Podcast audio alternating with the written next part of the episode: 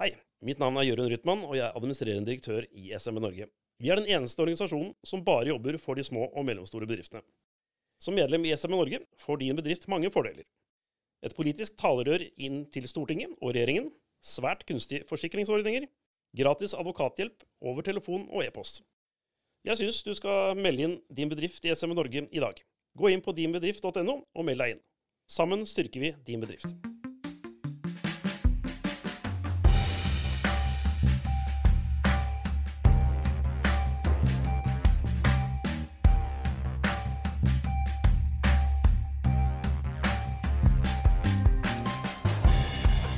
Hei og velkommen til det jeg håper og tror kan bli en crosspod, som det så populært heter, mellom SMB Norge-podkasten og Liberalen podkast. I dag er det 13.9.2023. Husk det i tilfelle vi prater om noen ting her som ja, forandrer seg når du lytter på podkasten, da. Her sitter jeg da med en kar jeg har snakka med før. Skal komme tilbake til han vil gjerne minne folk på at man kan også gi oss en femstjerners rating både i Spotify og Apple Podcast, og det gjelder både SMB Norge-podkasten og Liberaleren podkast. Det er ganske viktig i disse algoritmetidene. Så gjør det, hvis du ikke har gjort det. Ja, her sitter jeg nemlig med Jørn Wad. Hei på deg, Jørn. Hei sann. Hallo, hallo, og takk for sist. I like måte. Det var trivelig, det. ja, det var hyggelig, det, da. Og jeg kan starte med det først, da, fordi at eh, for noen uker siden så var vi jo samla nede i Arendal og da hadde vi egentlig tenkt å prøve å få til noe, noe greier. Og så sier du 'Vi må snakkes'! Jeg har nemlig skrevet bok! Den handler om hvordan skatteetaten noen ganger behandler små firmaer og deres eiere, og den er temmelig saftig, det skal jeg love deg. Så det her gjorde meg selvfølgelig nysgjerrig, så det her må vi selvfølgelig se nærmere på, da. Og du er selvfølgelig like mye pratemaskin som meg, så her kan vi koble på ørene ekstra godt for de som lytter der ute. Men Jørn, vi må først ta en liten ting, da du er jo frontkjemper for det nye MP, eller har i hvert fall vært det, Industri- og Næringspartiet. Og nå er jo valget akkurat ferdig, og det ble eh, 3% Du, først, da. 12. september var datoen. var det for å unngå å rasere noen skandalehistorier i valget, at det ble datoen? Nei, det var eh, helt tilfeldig. Det var trykkeriet i Polen som kunne levere da. OK. Helt ærlig? Ja, det er helt ærlig. OK, det er bare tull. Ja tenkte vi kunne lage litt humor der, da. Men ja, nei, det, var ingen, eh, det er ingen skandaler eh, for eh, INP, men for skatteetaten, kanskje? Ja, det kan man trygt si, da. 3 ble det på INP. Hva tenker du om det, da? Hva er dine kommentarer rundt det, da? Det syns jeg jo er helt uh, utrolig, egentlig. fordi at uh, det er vel uh, Vi må vel kanskje tilbake igjen til den gangen, som du var inne på sjøl i, i stad, eh, da ALP ble Fremskrittspartiet, eh, ja. at det faktisk har hatt en sånn eh, sterk Hopp, vekst ja. mm, i, i, i, tilslutning. Og det at man i tillegg har greid å, å rekruttere 12 500 medlemmer ja. på så kort tid som dette partiet har gjort, det syns jeg er helt utrolig. Og Ser du på fylkestingsvalget, som er det eneste sted der partiet faktisk stilte lister overalt, så er jo resultatet 4,33. Ja. Sånn at der er det altså over den berømmelige sperregrensen som det har vært mye prat om. ikke sant? Mm. Hva tror du det betyr til 2025, da? Nei, Det tror jeg er et perfekt utgangspunkt for, eh, for 2025. Mm. Jeg veit jo at eh, partilederen har hatt veldig fokus på 2025, og mange ja. rundt i, i Norge ønsker å være en del av et politisk skifte som handler om at man får et reelt alternativ til dagens eh, to styringspartier. Ja, ja. Var du på valg noen plass sjøl? Nei, det var jeg ikke. Nei. Bevisst? Helt bevisst. Ok. Det er uh, been there, done that, som det heter. Jeg har jo, som vi var inne på sist, en fortid som politiker for 25 år siden, og ja. da har jeg liksom gjort verneplikta mi, syns jeg. Hva vil du si til de som eventuelt frykter litt politisk kaos med IMP nå i Kommune-Norge? Er dere trygge samarbeidspartnere eller ikke? Hva, hva, vil du si der? Eller vil dere kanskje ikke være det? Nei, altså vi eh, er ikke noen i noen kommunestyre, vi, for å Nei. være trygge samarbeidspartnere med, med, noen. Vi er der for å representere de som har stemt på oss. Og eh, noen steder så vil det være klokt å samarbeide med lokale bygdelister, for den ja. saks skyld Senterpartiet, Høyre, kanskje til og med Arbeiderpartiet. Eh, sånn at det handler om hvor man får igjennom sine saker. fordi at om fire år så skal man gjøre et politisk regnskap overfor dem som stemte på en. Ja, ja. Men bare én ting jeg reagerte på. Nå så jeg riktignok bare overskriften, da. Fordi at uh, politikkens verden, og det vet du da sjøl som bakgrunn i politikken, så er jo det kompromissenes spill, da. Og det var et eller annet sted, Jeg lurer på om det faktisk var her i Vestfold, jeg er ikke helt sikker, så var det bare at ja, jo, vi skal samarbeide, men vi skal kreve alle våre punkter. Er vel ikke så lett å få til hvis man skal gi noen andre punkter til andre òg, da? Nei, det er vel strengt tatt uh, ikke å uh, samarbeide. Hvis du sier at uh, hvis du gjør som jeg vil, så, ja, ja. så, så er det greit. Men jeg tror vel at mange som nå er valgt inn i kommunestyrene, ikke bare for INP, men for mange andre, ja. de vil jo få et, en ganske bratt lærekurve når det kommer inn noe sånt noe som den gangen det var var, alt var printa ut på papir, så ja. fikk man jo noe sånt noe som 650 kilo med dokumenter ja, ja, eh, til hver representant. Og det er klart at eh, det blir nok et ganske brutalt møte for, for mange. Det også skulle sette seg inn i alle de sakene som jeg nesten tror at uh, jeg skal garantere at noen av sakene, dem har du aldri tenkt på. Nei, du, du, har ikke tenkt på at du måtte ha et uh, standpunkt til det der i det hele tatt. Nei, det gjelder også etablerte partier, tror jeg. Det tror jeg er helt riktig. Jeg tror at uh, vi har nok rigga oss med et politisk system som på en måte masseprodusere saker, ja. eh, slik at de store linjene som mange eh, lar seg engasjere av, ja. de drukner litt i den hverdagen som eh, består av masse små enkeltsaker som du må ta stilling til. Ja, ja. Nei, det her husker jeg jo sjøl. På midten av 90-tallet så satt jeg jo i bydelsutvalget for gamle Oslo, i Gamle Oslo. I, ja, i Oslo. Mm. Og jeg husker jo bare når de møtene kom, det var åh, ja, for da kommer bunken. Det var så vanvittig svære bunker bare for et lite bydelsutvalg. Mm. Og det er mye å sette seg inn i. Ja. Vanvittig mye å sette seg inn i. Så du kan ikke bestemme deg på forhånd om alt, hva det skal inneholde, hva du skal stå for. Det går ikke, og det er jo derfor eh, et partiprogram aldri kan favne alt. Nei. Og et uh, kommuneprogram heller aldri kan uh, favne av absolutt alle ting som du skal ta stilling til som Nei. lokalpolitiker. Nei. Og så ser man jo i hverdagspolitikken så ser man etter hvert at det danner seg ofte konstellasjoner som ikke akkurat er på tvers av tradisjonelle partiskillelinjer heller. Nei. Fordi at man rett og slett bare må innse at du har, du har ikke mulighet til å lage et program som skal favne alt. Nei. Og det her kan man se, det her gjaldt jo absolutt samtlige partier i hele Norge. Pandemi, pandemi og beredskap. Ingen hadde skrevet ord om det vet, i noen eh, partiprogram, nesten. Så selv i den moderne verden kan ting dukke opp. Ja, nemlig. Og jeg tror vel det at uh, nettopp i den uh, verden vi lever i i dag, og, og med en, en, stadig skiftende liksom uh, agenda på, på, det politiske området og i hverdagen ja. til folk flest, så tror jeg det at uh, framtidens politiker må være problemløser og, uh, og, tenke praktisk. Langt mer, uh, Bruke mer sunn fornuft, tror jeg, rett og slett, enn ja. å, å, basere seg på ideologi. Så veit jeg jo at noen partier baserer seg på ideologi, og ære være dem for det. Mm.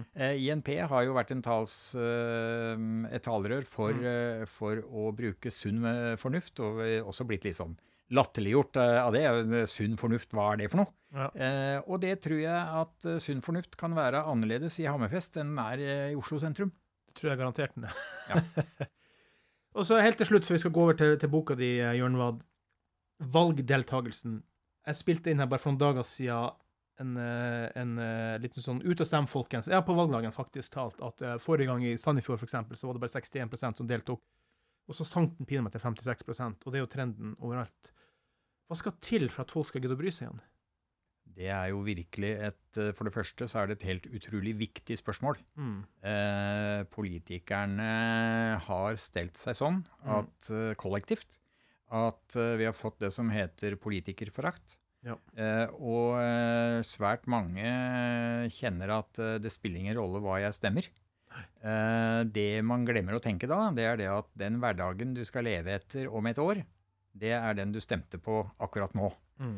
Eh, men eh, det blir så stor avstand ikke sant, eh, mellom det politikerne snakker om, og den opplevde hverdagen som folk har, ja. at de sier til seg sjøl at ja, det spiller ingen rolle hva jeg stemmer.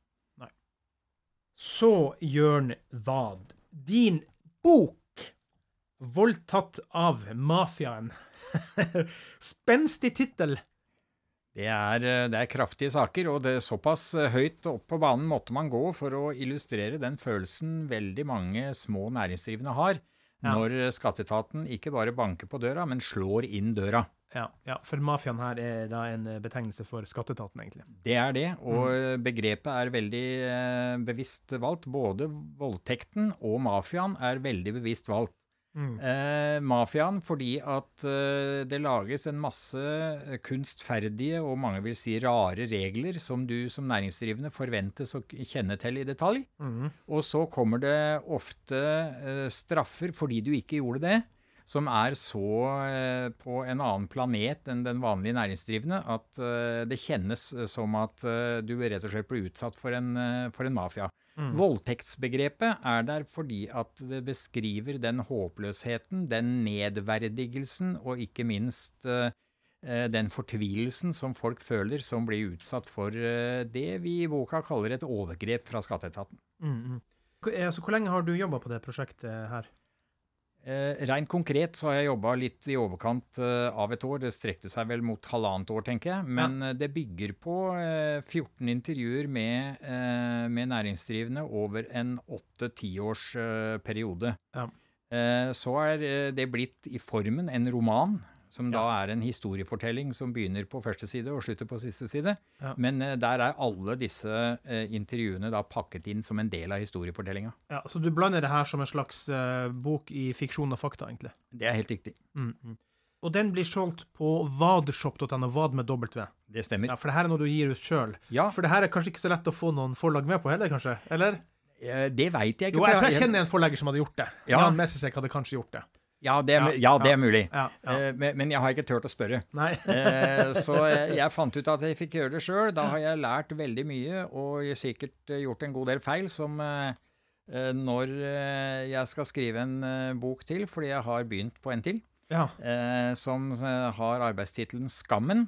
Ja. Og handler om hvordan inkassoselskaper behandler menigmann. Ja. Eh, Så i hvert Da fall har jeg en god kompis du må snakke med. Ja, se der. Kan hende at du har fanga opp Jitze Boitenk opp i Andøya, som har kjørt eh, sak mot eh, Hva heter de? eh, Kon Konvin. Nei, det har jeg ikke Han har fått masse nasjonal oppmerksomhet nå, Ja. da. Fordi han skulle bare hjelpe en eller annen en, Jeg sier gamling, for jeg husker ikke historien i detalj her. Nei. Og så var det sånn at han fikk jo Var det 80 kroner i gebyr automatisk? Og det skal være et faktisk gebyr, og, og de bare kasta på. Men nå ser det ut som han har fått snudd Konvin, da. Mm. Eh, ja. Det, det som er eh, for, Det var lege, legeregningsgebyr. Ja, altså. ja, stemmer. Mm, mm, mm. Eh, Det er jo noe av det den boka skal handle om. Det Mm. er jo nettopp at inkassoselskapene spekulerer i å tømme Nav-budsjettene. Fordi at de går etter eh, svake eh, mennesker som, eh, som ikke kan forsvare seg. Ja. Og så får man da Nav til å dekke gjelda til hver enkelt. ikke sant? Og I Ja. praksis betyr det altså en overføring av penger fra fellesskapet som skulle gå til enkeltpersoner, Ja. og over i, over i disse kapitaleiernes eh, lommer. Og det eh, blir en debattbok som kommer til å bli ganske eh, Nesten like saftig som den som er nå. Hva mener du med det? Hvordan får man det på et Nav-budsjett? Er, det- er det fordi man havna inn under noen vinger, eller hva, hva mener du med det, egentlig? Eh, Dersom du eh, havner i en situasjon der du ikke kan gjøre opp for deg, Ja. eh, og du kommer så langt ned at du ikke lenger har noe sted å bo, Ja. så eh, kommer du på sosialhjelp. Ja. Hvis du da fortsatt har eh, gjeld, så kan du søke eh, Nav om eh, hjelp til å, å gjøre opp for deg for å bli kvitt gjelda. Mm. Og det er det da inkassoselskapene som nyter godt av. Det er gjennom det som heter bad banking. De kjøper Ja. opp gammel gjeld og forfølger deg til graven. Ja, ja. Nei, grunnen til at jeg spør, fordi at jeg, jeg, jeg, har en god kompis som ikke jeg skal navngi her nå, da, som jeg spør han innimellom ja, Har du kontroll over hvor mye du er skyldig nå? Nei, jeg orker ikke. Jeg orker ikke å finne ut av det.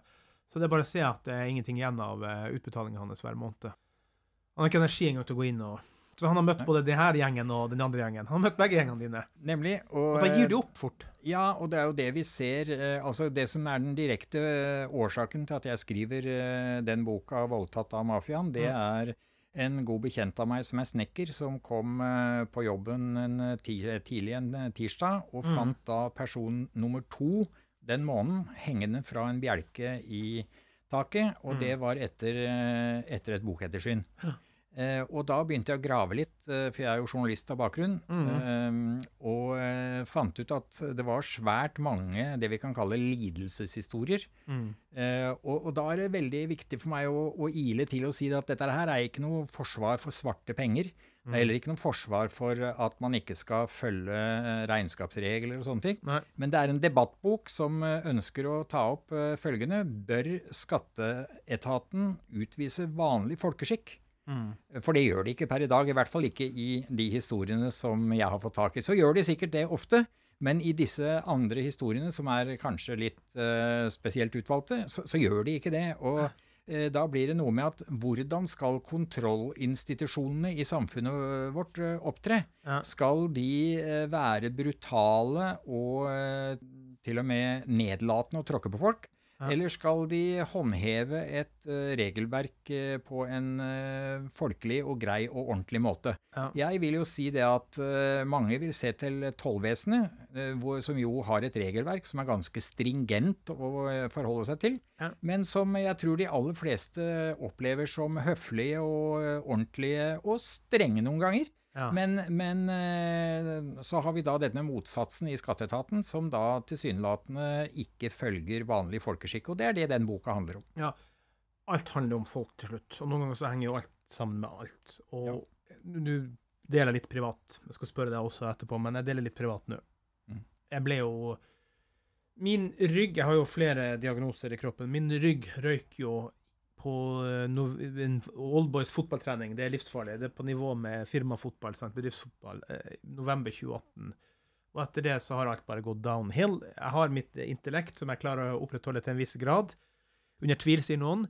Men, um, men helsa har gått i dass. Og da kom jeg i en overgangsfase, og jeg har blitt ufør. Jeg jobber jo litt for SMB Norge på side, jeg har lov å jobbe og sånne ting. Og så, så, eh, så kom jeg jo da i en overgangs...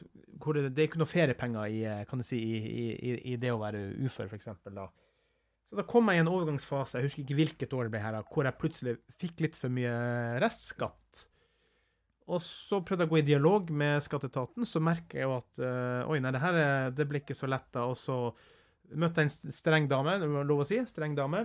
Så det var bare snakk om at jeg ville dele opp øh, den eh, del to i noe litt, litt flere rater, bare. Så si istedenfor én til tre eller fire, eller et eller annet sånt. Jeg husker ikke eksakt nå, for det er noen år siden, men eh, ja, nei, det var ikke så lett å få det til, da. Eh, Men jeg sender deg et dokument, da. Og da fikk jeg et Jeg mener det var 20 sider hvor jeg skulle fylle ut alt mulig rart. At det var hele livet mitt skulle inn på de 20 sidene, bare for å få lov å dele opp eh, Si det var 10 000, da, oppi noen flere rater, da. Og så tenkte jeg, vet du hva, jeg mista så motet at til og med, jeg som en eh, selverklært oppegående intellektuell mann bare sa det her gidder jeg ikke, så jeg prøver å betale. Så kommer det på slutten, og så ser jeg det. Jeg klarer ikke å være ferdig, si at det var september, men jeg klarer å bli ferdig i oktober. Og så ringer jeg da, bare for å skulle prøve å få forståelse. Og da treffer jeg jo, som nordlending, en annen nordlending. Ja, men selvfølgelig skal vi hjelpe deg, er du gæren? Vi skal ikke være så sær og rar. Ja, ja, ja, vent litt, jeg skriver, jeg, jeg ordner et eller annet, jeg skriver et eller annet her. Og så klarte jeg det, jeg kom i mål bare en måned for sent. Tenk om jeg kunnet møtt han på første telefonsamtalen. Og da sa jeg det til han, du, og da lo han av meg. Du kan jo ikke ha det sånn, sier han bare. For jeg foreslår Du, jeg vet at det er mange som har eh, ligget i mørkeboka på ting og tang, og de har gjort litt gærent. De bør ikke få friløp eh, på, på, på forslag på løsninger. Men for meg, da, som ikke har en krone registrert, jeg har ingen anmerkninger, ingenting Når jeg tar kontakt med noen, bør ikke jeg få en sånn førstegangssjanse? At jeg kan få lov å dele opp uten at jeg skal ha nærmest advokat og prate med dere? Og da lo han bare. Vi kan ikke ha det sånn. Men, men kan vi ikke? Vi lever jo i et påståelig tillitssamfunn. Det som eh, er veldig eh, viktig, tror jeg, det er det at eh, folk må bli tatt på alvor. Sant? Når, når en eller annen har en sak som en gjerne vil ta opp med skatteetaten, Mm. så må man på en måte møtes på en, en null, nullstilling. Og Mm. ikke ut fra at du er en kjeltring som skal lure det offentlige formidler. Eh, og det er det mange møter. Og en som har vært eh, konsulent uh, for meg, som har jobba både i skatteetaten og i Økokrim, faktisk, Mm. uh, Han sier det at tidligere så hadde man rett og slett intern skolering for å eh, behandle folk på en god måte. Ja. Rett og slett en, kall det gjerne smilekurs. Mm. Det har man slutta med. Og jeg lurer er jo du på Skatteetaten. Nå er jeg på Skatteetaten, og jeg lurer jo litt på at uh, kanskje Skatteetaten burde nettopp ta en sånn uh, bok som det her på alvor. Mm. eh, og si som så at har vi bomma, tru? Har vi noen hos oss For det er jo ikke alle. Jeg Nei. påstår ikke det at det er alle. Men disse opplevelsene her kan ikke vi som samfunn ha. Det, det blir feil, fordi at når det går så langt at fa- faktisk vi har eksempler på at folk har eh, tatt livet av seg Mm. på bakgrunn av et eh, bokettersyn, Mm. Eh, så, eh, og da ikke pga. at man har fått baksmell eller sånne ting, men fordi måten man har blitt behandla på. Mm. Eh, og da tenker jeg at eh, fordi at vi har jo eksempler på han nordlendingen som eh, du, du møtte. Ja. eh, som er eh, service-minded, som eh, en- prøver å løse ting osv. Ja. osv. Så. Ja. så jeg tenker det at eh, det den boka her skal gjøre, det er å bidra til en debatt hvor vi får et, eh, en skatteetat i andre enden som er litt mer service-minded enn eh, mange opplever at de er i dag. ja. Det blir litt sånn at er man til for folket, eller folket til for deg? Sant? Ja, litt sånn. Jørn, du er jo også aktiv i SMB Norge. Ja. Og uh, ut ifra små og mellomstore bedrifters eh, perspektiv her altså denne boka tar jo for seg at skatteetaten behandler små bedrifter og deres eier- eiere helt annerledes enn de store. Er det riktig, og hva er det du backer den påstanden med, egentlig? Eh, det er eh, riktig oppfatta. Eh, jeg backer den historia med at jeg har også snakka med en fem-seks, som jeg vil kalle større bedrifter, altså over 100 ansatte. De kjenner seg ikke noe særlig igjen i den beskrivelsen som kommer fram i eh, boka. Men alle de som eh, jobber i små bedrifter, altså som jeg har eh, sagt under 20 ansatte, Mm. de sier ja, slik er det. Vi opplever det sånn. Mm. Og eh, det er en av personene i boka som reiser spørsmålet er det fordi at vi ikke kan forsvare oss. Mm. At vi ikke har ressurser til å, til å forsvare oss i hele tatt. Jeg vil ikke liksom spekul spekulere i det.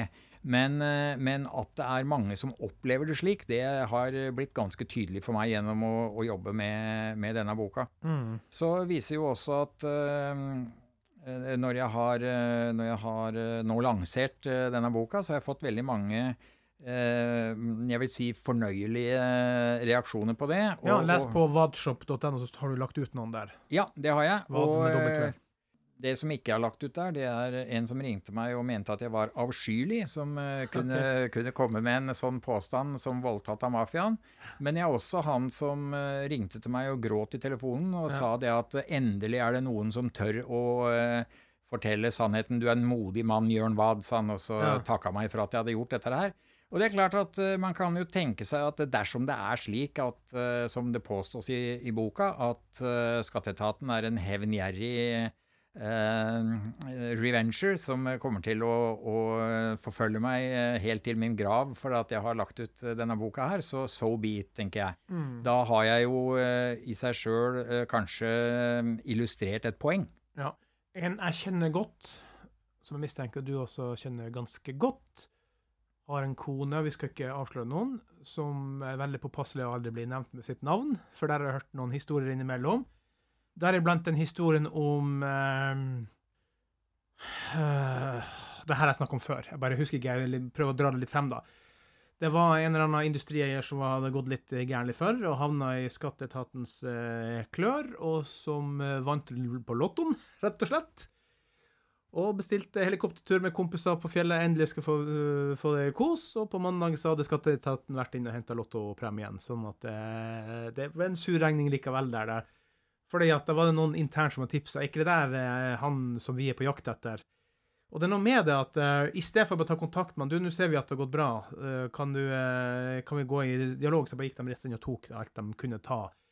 Og Det kan godt at de hadde rett på det, rettigheter på det, da, men det er bare no hvordan man møter mennesker. Og der setter du helt fingeren på eh, det som er mitt beveggrunn for å, for å gi ut boka. Hvordan skal vi som samfunn, våre kontrollinstitusjoner, som vi er enige om at vi skal ha, hvordan skal vi møte mennesker? Mm. Eh, For jeg tror det at eh, det blir viktigere enn noensinne framover. Vi har en, et forbruk av psykofarmaka som øker eh, skremmende. Vi har eh, stadig flere som faller utafor. Mm. Eh, Da må vi ikke ha kontrollinstitusjoner som eh, fører til at enda flere faller utafor. Mm, mm. Jørn, har du egne historier? Før vi tar om det? Er det, har du noen erfaringer sjøl som du vil dele, eller om du har delt i boka her? Eh, jeg har en, eh, en, historie som eh, jeg har delt i boka, og det er et sitat fra en ligningssjef i Drammen for ja. Det er forelda nå, sånn at jeg kan gå ut og si det. Ja.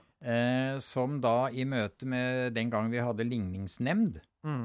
Hadde erklært om min person at det må da gå an å finne en paragraf å henge denne mannen på. Ja. og da er det klart at da har vi gått langt utover det som er etter mitt uh, syn skatteetatens uh, oppgave. Ja. ja. Da er du på, på jakt, da. Ja. Vil du, vil du, dele noen uh, pikante historier som er i den? Har du noen historier du kan sånn, tise med her som folk har opplevd? Mm. Jeg kan uh, ta den uh, jeg vil si yndlingshistorien min, som er en, uh, en liten næringsdrivende som driver med sånn polering og forsegling av lakk. Ja. Han driver en enmannsforetak som han deler da kontor med en bilforretning. Ja. Og rett før fire en vanlig hverdag så kommer det to svarte svarte eh, jeeper i en forferdelig fart opp mot eh, denne lille butikken. Mm. Ut hopper det åtte mennesker. Eh, fra politiet, fra skatteetaten, fra av alle ting Mattilsynet. okay. Eh, tollvesenet og Innvandringsverket. Og Kanskje de fant noe gammel egg i kjøleskapet der? Det ja, det det er, det jeg lurer på. Det er det jeg lurer på. Og det, det de i hvert fall De tok da med seg mannen og kasta han på glattcelle. Ja. Eh, det som kom ut av den historien, som det også eh, omtales ganske utførlig i boka, det var en bot på 10 000 kroner. Og grunnen til at vedkommende fikk den boka Det var egga? Det, eh, det, var ikke egga, det var ikke egga, men det var et navn. Et manglende navn. Fordi han hadde nemlig med seg to gymnasiaster som jobba annenhver torsdag. Okay. Og han ene tror jeg heter Lars Hansen, og han andre heter Christian Brandtzæg. Ja. Og eh, da var det sånn at på én av timelistene ja. så mangla fornavnet til en av de unge guttene. Og ja. det fikk han 10 000 kroner i bot for. Eh, det sier noe om en rigiditet eh, som ikke svarer til oppgaven slik eh, boka ser det, da. Mm. Og jeg har lyst til å si noe om det, fordi at jeg uttaler meg nå slik boka ser det. Og det er litt viktig, fordi at boka viste seg å ende helt annerledes enn jeg trodde på forhånd. Jeg eh, hadde jo satt opp en disposisjon, ikke sant, og sånn og sånn, og skrev og skrev og skrev. Og så eh, de siste to, eh, to, kapitlene måtte jeg endre fullstendig. Mm. Fordi at på en, at et eller annet sted i skaperprosessen av den boka, ja. så fikk den på en måte et slags e eget liv. Ja. Og for at det skulle bli riktig, for at det skulle bli logisk riktig, så måtte jeg endre det. Og slik sett så har altså boka ikke nødvendigvis mitt syn støtt, men eh, det har sin egen indre logikk som, eh, som boka eh, rett og slett gir. Og det er en veldig rar opplevelse for meg. som Jeg har aldri opplevd det som journalist, men som forfatter så gjorde jeg det. Ja, ja, ja. Men du, det er mange salte, kruttsterke historier til. Vi skal ikke avsløre så mange ut av de der, for folk må kjøpe boka, selvfølgelig da. Ja.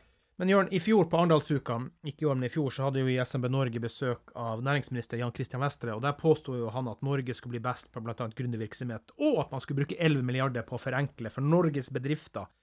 Det går dessverre ikke så veldig bra, så langt må sies. For altså, Norge fikk også nylig stryk. Jeg lurer på om det var EU, men det var i hvert fall en eller annen oversikt over det her med skjemaveldet og at alt, skjemavilde at alt er for tungrodd i Norge. Så vi scorer rett og slett fullstendig elendig. Er, det er ingen bedring å spore i det hele tatt. da. Hvordan vil du egentlig endre skatteetaten, og er det i det hele tatt noe håp for det, for å si det sånn, da? Eh, det er viktig å ha to, eh, ting, to tanker i huet samtidig. Det mm. ene er hvordan skatteetaten møter folk. Der tror jeg det er veldig mye å hente. Mm. Så gjelder det regelverket. Og det er en pussig ting. fordi at når du snakker med politikerne, så er det liksom eh, brolagt med gode forsetter. Ja, Og forståelse. Ja, og forståelse. Mm. Så kommer du altså til eh, det som eh, heter det konkrete regelverket. Mm. Da er det mange ganger politikerne ikke kjenner igjen eh, det, de eh, beslutningene de sjøl har vært med på. Mm. Eh, jeg intervjua for noen tid siden eh, en som akkurat da hadde gått av som Arbeiderpartiets finanspolitiske talsmann på Stortinget. Mm. Og han starta en egen liten bedrift. Han forsto ingenting av regelverket. Nei. Han sa at det er jo ikke dette vi har bedt om. Sånn at uh, jeg tror jo det at uh, man trenger uh, Når det gjelder forenkling, så tror jeg kanskje at nettopp veien mellom politikerne og byråkratene, den må forenkles. Ja. Eh, og så eh, bare følge opp. Eh, jeg har akkurat eh, vært med på å starte en eh, ny bedrift og skulle da ha en eh, bankkonto. Mm. Da fikk jeg forespørsel fra banken om eh, hvordan jeg hadde tenkt å trykke de heftene som eh, vi skulle produsere. Ja. Jeg måtte da altså beskrive overfor banken selve trykkeprosessen. Ja. Det var det ene. Og det andre er eh, hvordan og hvor har du tenkt å markedsføre eh, produktene dine? Ja. Dette måtte altså banken vite for å eh, tillate at jeg skulle få bankkonto. Ja. Jeg tror ikke at noen politikere, verken i EU, som jeg ikke er veldig glad i, eh, eller, eh, eller i Norge, noensinne har tenkt at banken skal bry seg med om du skal eh, markedsføre dette i lokalavisen eller på YouTube. Nei. Sånn at jeg tror at de gode hensiktene som politikerne ofte har, de blir på en eller annen måte forvridd i, Ja. i det byråkratiske systemet. Hvordan, om jeg skal komme med noe råd der, det er jo mange kloke hoder som forsøker å gjøre noe med, tror jeg. Men det rare er jo det at det skjer ingenting. Ja. Men akkurat de der bisarre bieffektene av det som skjer når at eh, banken må stille spørsmål, kommer vel sannsynligvis av det her opplegget med åpenhetsloven. Vil jeg tro at alt skal være åpent og redelig. Hvem var hvor, og hva skal gjøres, osv. Jeg vil, jeg vil tro at det er bakgrunnen. Men det er bare, det er bare sånne bisarre konsekvenser. nå. Det er, det er det det får, og eh, vi må passe oss, tror jeg, sånn at ikke den åpenheten fører til en faktisk eh, tåkelegging. Ja, ja du tåkelegger hva du driver med egentlig til slutt. da. Ja, det, det er det du gjør, fordi at du eh, på en måte bøtter ut Det ser du jo f.eks. litt store firmaer som har store ressurser på PR. Mm. Eh, De bruker jo disse spinndoktorene sine til å tåkelegge dersom eh, de store bedriftene, sånn som eh, eh, Apple og, Mm. og eh, hva de heter for noe, eh, alle sammen, blir tatt litt med hendene oppi kakeskuffen. Da er det å tåkelegge noe voldsomt med en masse eh, informasjon. Mm. Slik at folk til slutt ikke greier å, å, å skille på hva som er sant og hva som er bløff. Nei. Men altså, jeg må bare si det sånn, da.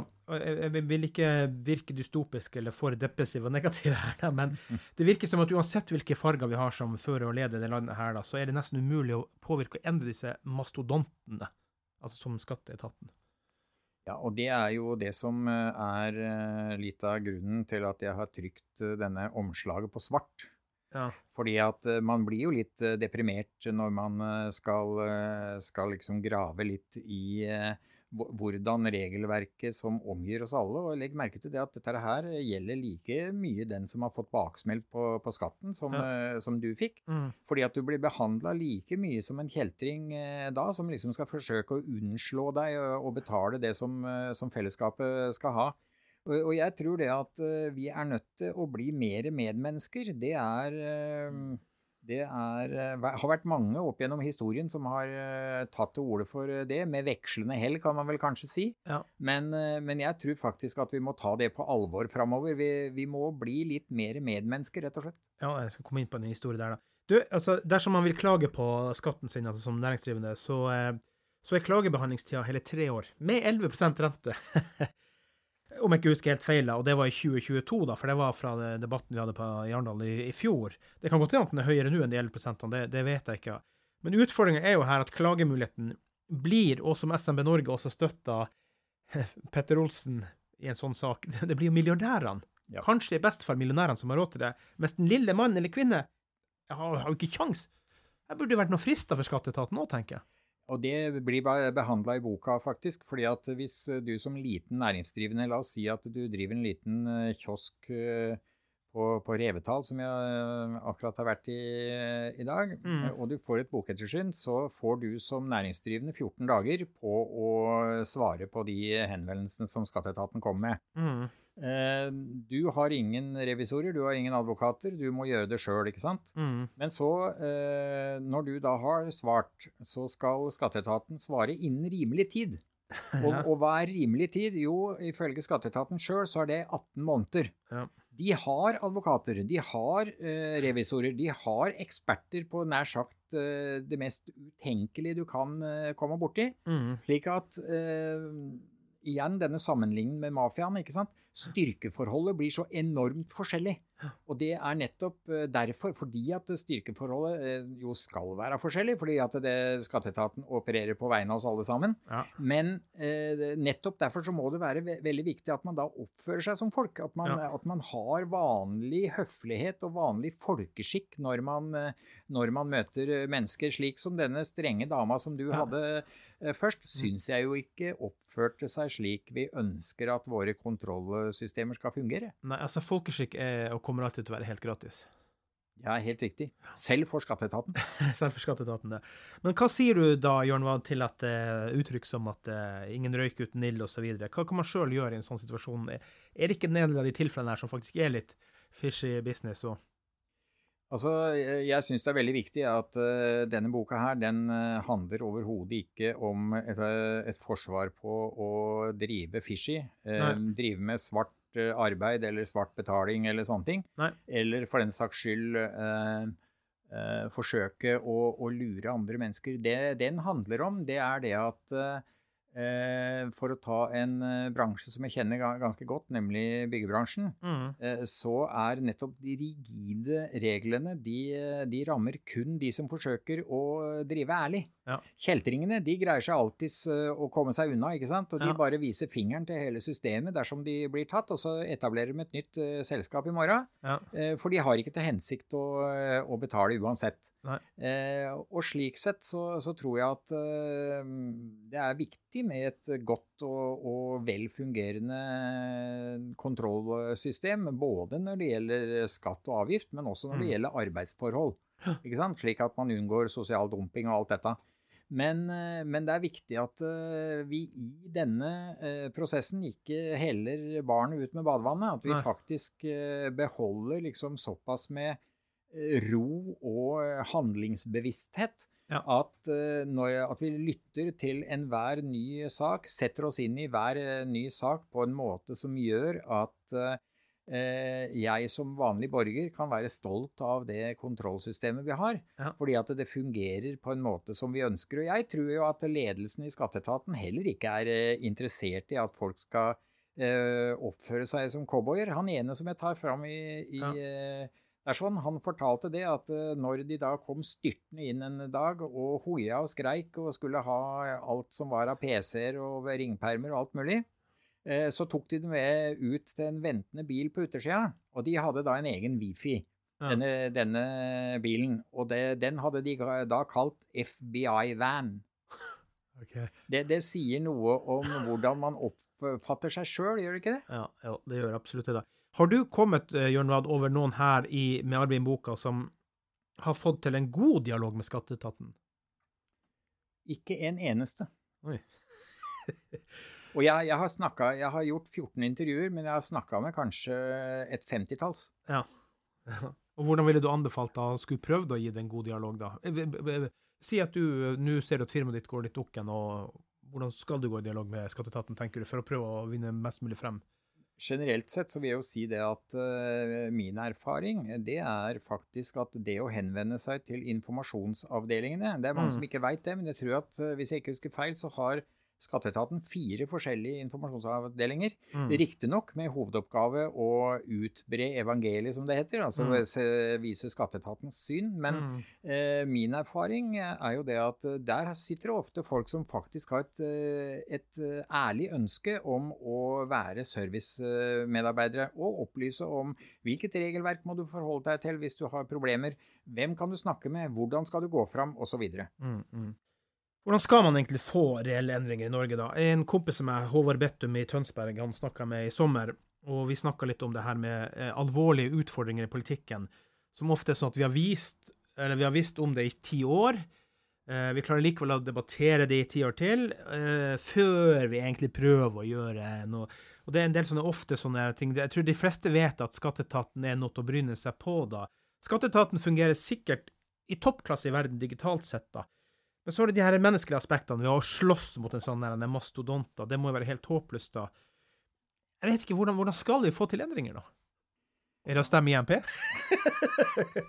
Du, jeg tror ikke noen politiske partier, verken i Norge eller andre steder, har noe sånn derre eh, løsning på det der, der som, eh, som eh, mer liksom en sånt uh, knips. Nei. jeg tror det ikke er noe quick fix i det hele tatt. Men for å hente fram noe fra INP-en, mm. så er det det der å bruke sunn fornuft. det er faktisk noe som igjen er helt gratis, og som mm. kan brukes i alle sammenhenger. Og jeg tror jo det at vi, eh, vi, bør møte hverandre mer som mennesker med, et, eh, med sunn fornuft og, mm. og, forsøke å løse ting sammen. fordi at når eh, alt kommer til alt, så er vi jo i samme båt. Ja, uten tvil. Jeg er ikke i samme båt som min far akkurat nå. Men han var mye rart. Han døde tidlig, det skal sies. Han skrev et brev til skatteetaten hvor han ba om pause. Ellers ville de ta hans liv. Han døde faktisk to uker etterpå. Uh, og jeg, jeg bare, Det er bare komisk, for det var, det var bisarr.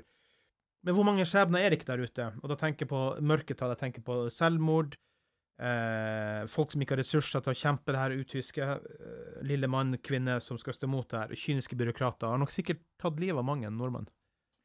Ja, og derfor så har jeg snudd litt opp ned på det i, uh, i boka. Jeg mm. uh, lar en av medarbeiderne i skatteetaten uh, plutselig innse, i tråd med Nürnberg-dommene, mm. at det hjelper ikke å si at jeg bare handla etter ordre. Nei. Han blir så deprimert at han dessverre tar sitt eget liv mm. i, i, boka, og det er en slags Eh, kontradiksjon ikke sant, i forhold til eh, det som eh, mange næringsdrivende gjør. Jeg tror vel ellers at mange har kjent seg igjen i den gamle Snoopy-stripa, der han sitter på hundehuset sitt med skrivemaskinen og skriver mm. 'Kjære skattevesen, mm. jeg vil med dette si opp mitt abonnement'. Ja. ja. ja. Hva skal vi da som samfunn gjøre Jørn med de som faktisk jukser og trikser med skatt? Hva skal vi gjøre med de, da? Jeg tenker jo det at uh, det er nettopp derfor vi har et uh, skattevesen som uh, både skal være godt utstyrt og som skal kunne jobbe effektivt. Mm. og jeg tror jo det at vi som samfunn er nødt til å se også ikke bare isolert på dette med skatt og avgift, men som jeg sa i stad, også dette med arbeidsforhold. Fordi mm. at uh, spesielt uh, bygge, byggeindustrien, som jeg kjenner ganske godt, der mm. har vi jo begge deler i uh, stort monn. men når det er sagt, så er det nett, kanskje enda viktigere for at det skal bli effektivt, at vi ikke liksom gjør oss til fiender av hele SMB-sjiktet. ikke sant? At Nei. alle små og mellomstore bedrifter synes at uh, skatteetaten er noen slemme mennesker som vi helst ikke vil ha noe med å gjøre. Nei. Der har skatteetaten en utfordring, og, og den, uh, den utfordringa håper jeg faktisk at de tar. Mm, mm. Hva tenker du da om uh, skatteendringer, altså det for å gjøre det mer forenkla, sånn at faktisk folk ikke lar seg friste av å gjøre noe? Nå må jeg bare si det på den måten at jeg regner med, i og med at jeg akkurat bare har fått boka di, at det er jo selvfølgelig folk her som blir dårlig behandla, som ikke skulle vært dårlig behandla, men du har jo også de som da faktisk jukser og trikser, som, som, vi bør, som, som, du sier, da, se litt nærmere på, da. Men kunne vi ha gjort noen skatteendringer, flatskatt, hva som helst, som hadde gjort at det blir lettere både å betale skatt, men også vanskeligere å slippe unna? Hva tenker du? Det er mange kloke mennesker som har ment mye om uh, akkurat det der. Sjøl så er jeg tilhenger av en flat uh, skatteprosent, fordi at mm. det vil gjøre det helt uinteressant uh, å forsøke å jukse, fordi at mm. du vil få den samme skatten uansett. Mm. Men, men, når det er sagt, så er ikke den boka liksom det, det, jeg har ikke skrevet denne boka der i det hele tatt for å bidra til om vi skal ha redusert skattenivå, eller om vi skal legge om skattesystemet, eller noe sånt. Nei. For meg så er det der eh, rett og slett en debatt om, eh, om folkeskikk, og jeg tror det at uh, andre enn meg skal egentlig svare på hva man bør gjøre for å få en, en bedre eh, fordeling. fordi at eh, det er jo litt rart det der, der eh, i Norge når vi snakker om skatt, så er det mange som snakker om fordelingspolitikk. Mm. Og det jeg syns er rart, det er det at eh, politikerne generelt de snakker veldig ofte om eh, hvorvidt forskjellene i samfunnet blir større eller mindre. Det er ingen som går direkte til angrep på problemet, nemlig at vi har en voksende fattigdom. Mm. Det må altså for, for, forskjellene være hva, de vil, mener jeg, men, men uh, fattigdom det skal vi ikke ha i Norge. Det må, er vi nødt til å gjøre noe med, faktisk. Mm. Altså, Du husker ikke tallene helt eksakt i hodet, da, men jeg, jeg mener at uh, historisk over mange mange, mange år så har barnefattigdommen ligget på mellom 3 og 5% men den er oppe i 16-17-18% nå. Og så sier folk at det er pga. Ukraina. Nei, det har bare påvirka 2-3% så vi er oppe i 14-15 før Ukraina-barna kom inn. da. Ja. Det er jo en skam i et sivilisert samfunn at vi havner der. Og det er jo virkelig, eh, virkelig ille. Mm. Fordi at uh, hva kommer etter barnefattigdommen? Jo, det er sosiale problemer, det er kriminalitet, det er alle disse tingene som uh, vi som samfunn forsøker å bekjempe. Ikke bare fordi at uh, vi ikke vil ha det, men fordi at det handler om omsorg, ikke sant. Ja. Den som kommer helt Eh, på, på utsida av samfunnet har virkelig store problemer med å komme seg tilbake. og Da skal jeg avsløre den siste mm. boka i min planlagte trilogi. Mm. Den skal hete Alene. Ja. Og det er jo nettopp det, ikke sant? Fattigdom og uten, ja, utenforskap. Nemlig. Mm. Det er så mange som nå opplever det, uh, av forskjellige grunner at eh, jeg tror at eh, vi som samfunn er nødt til å eh, gjøre en virkelig innsats. Og det tror jeg ikke noen enkelt etat eller noen enkelt politisk parti eller noen ting sånn kan gjøre. Nei. Men det er en dugnad som vi må ta sammen, mm. hver på vår lille tue, mm. for å forsøke å gjøre, gjøre noe med vi greier vel kanskje ikke alt, fordi som du sa, så har det jo vært en 3-5 over veldig mm. mange år. Mm. Men eh, den enorme økningen vi har sett de seinere åra, det er et faresignal for oss som samfunn, mener jeg. Ja, altså unge barn skal kunne få lov å vokse opp i trygghet. Nå kommer jeg på en liten historie sjøl her. Jeg er ikke redd for å dele private ting, så det er greit. da. For min far var som sagt en absurditet, og det er greit nok, det, da. Men um, han uh, drev jo et byggfirma i, uh, i det lokale bygda der jeg kommer fra, og bygde fryselagre for uh, Fiskenes Jeg husker ikke det, altså det er jo noen statlige anliggende greier der. Og så var det, det et eller annet med at Eh, bygget ble ikke godkjent, og da var det jo liksom eh, havresekken og bukken og hele pakka. Og så hadde jo da fattern hadde bygd ut alt der mange millioner på egne, egne penger, og gikk til eh, rettssak mot staten da. Og den saken vant han jo da, så staten dømte staten til å betale far min 200 000, men han tapte jo mange millioner. sant? Og det her han husker til og med, jeg mener det var rundt 1980, han var på Dagsrevyen og greier og greier for en spesiell sak, da, for det var egentlig bare en halvkorrupt greier da. Jeg er ikke sjokkert over faren min havna utafor det, da. Men da ble jo tilfellet for meg, da. Da var det å arve klær, da var det å vokse opp uten penger, da var det ditt og datt, å gå i rosa bukser og you name it. Jeg tror ikke jeg var mer enn 11-12 år når jeg begynte å jobbe litt på kaia og skjære fisketunger og sånt, bare for å ha litt penger sjøl, da.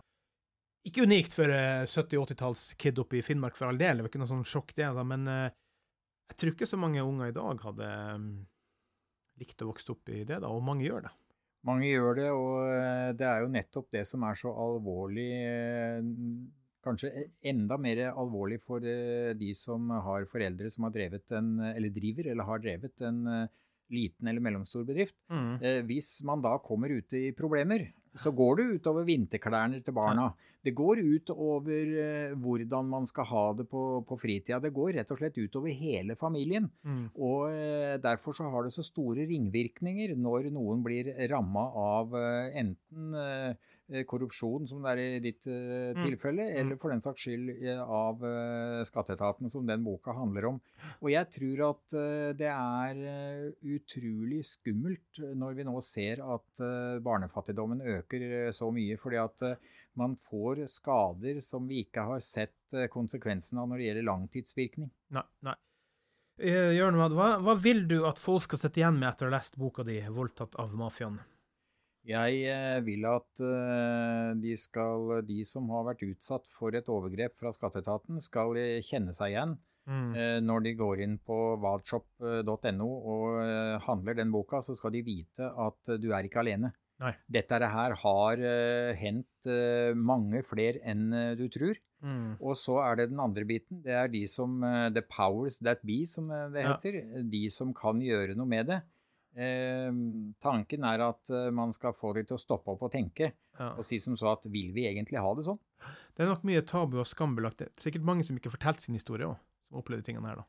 Når man får bokettersyn, så er det akkurat som man får en skammelig sykdom. Mm. Man vil helst ikke snakke med vedkommende. Man er mm. redd for det kan smitte, tror jeg. Mm. Eh, og eh, den, nettopp den biten der kan det hende at skatteetaten eh, spekulerer i, hva veit jeg. Mm. Men, eh, men det er en greie som eh, jeg tror vi må rett og slett normalisere det at det å få et bokettersyn, det er en del av den samfunnsmessige strukturen sånn som vi Ja. har det i, i Norge. Det er ikke noe skummelt eller skammelig ved det, men Ja. da må skatteetaten oppføre seg som folk. Ja, og det opplevde jeg her om dagen når jeg var ikke skatteetaten, men jeg var på, på OBS.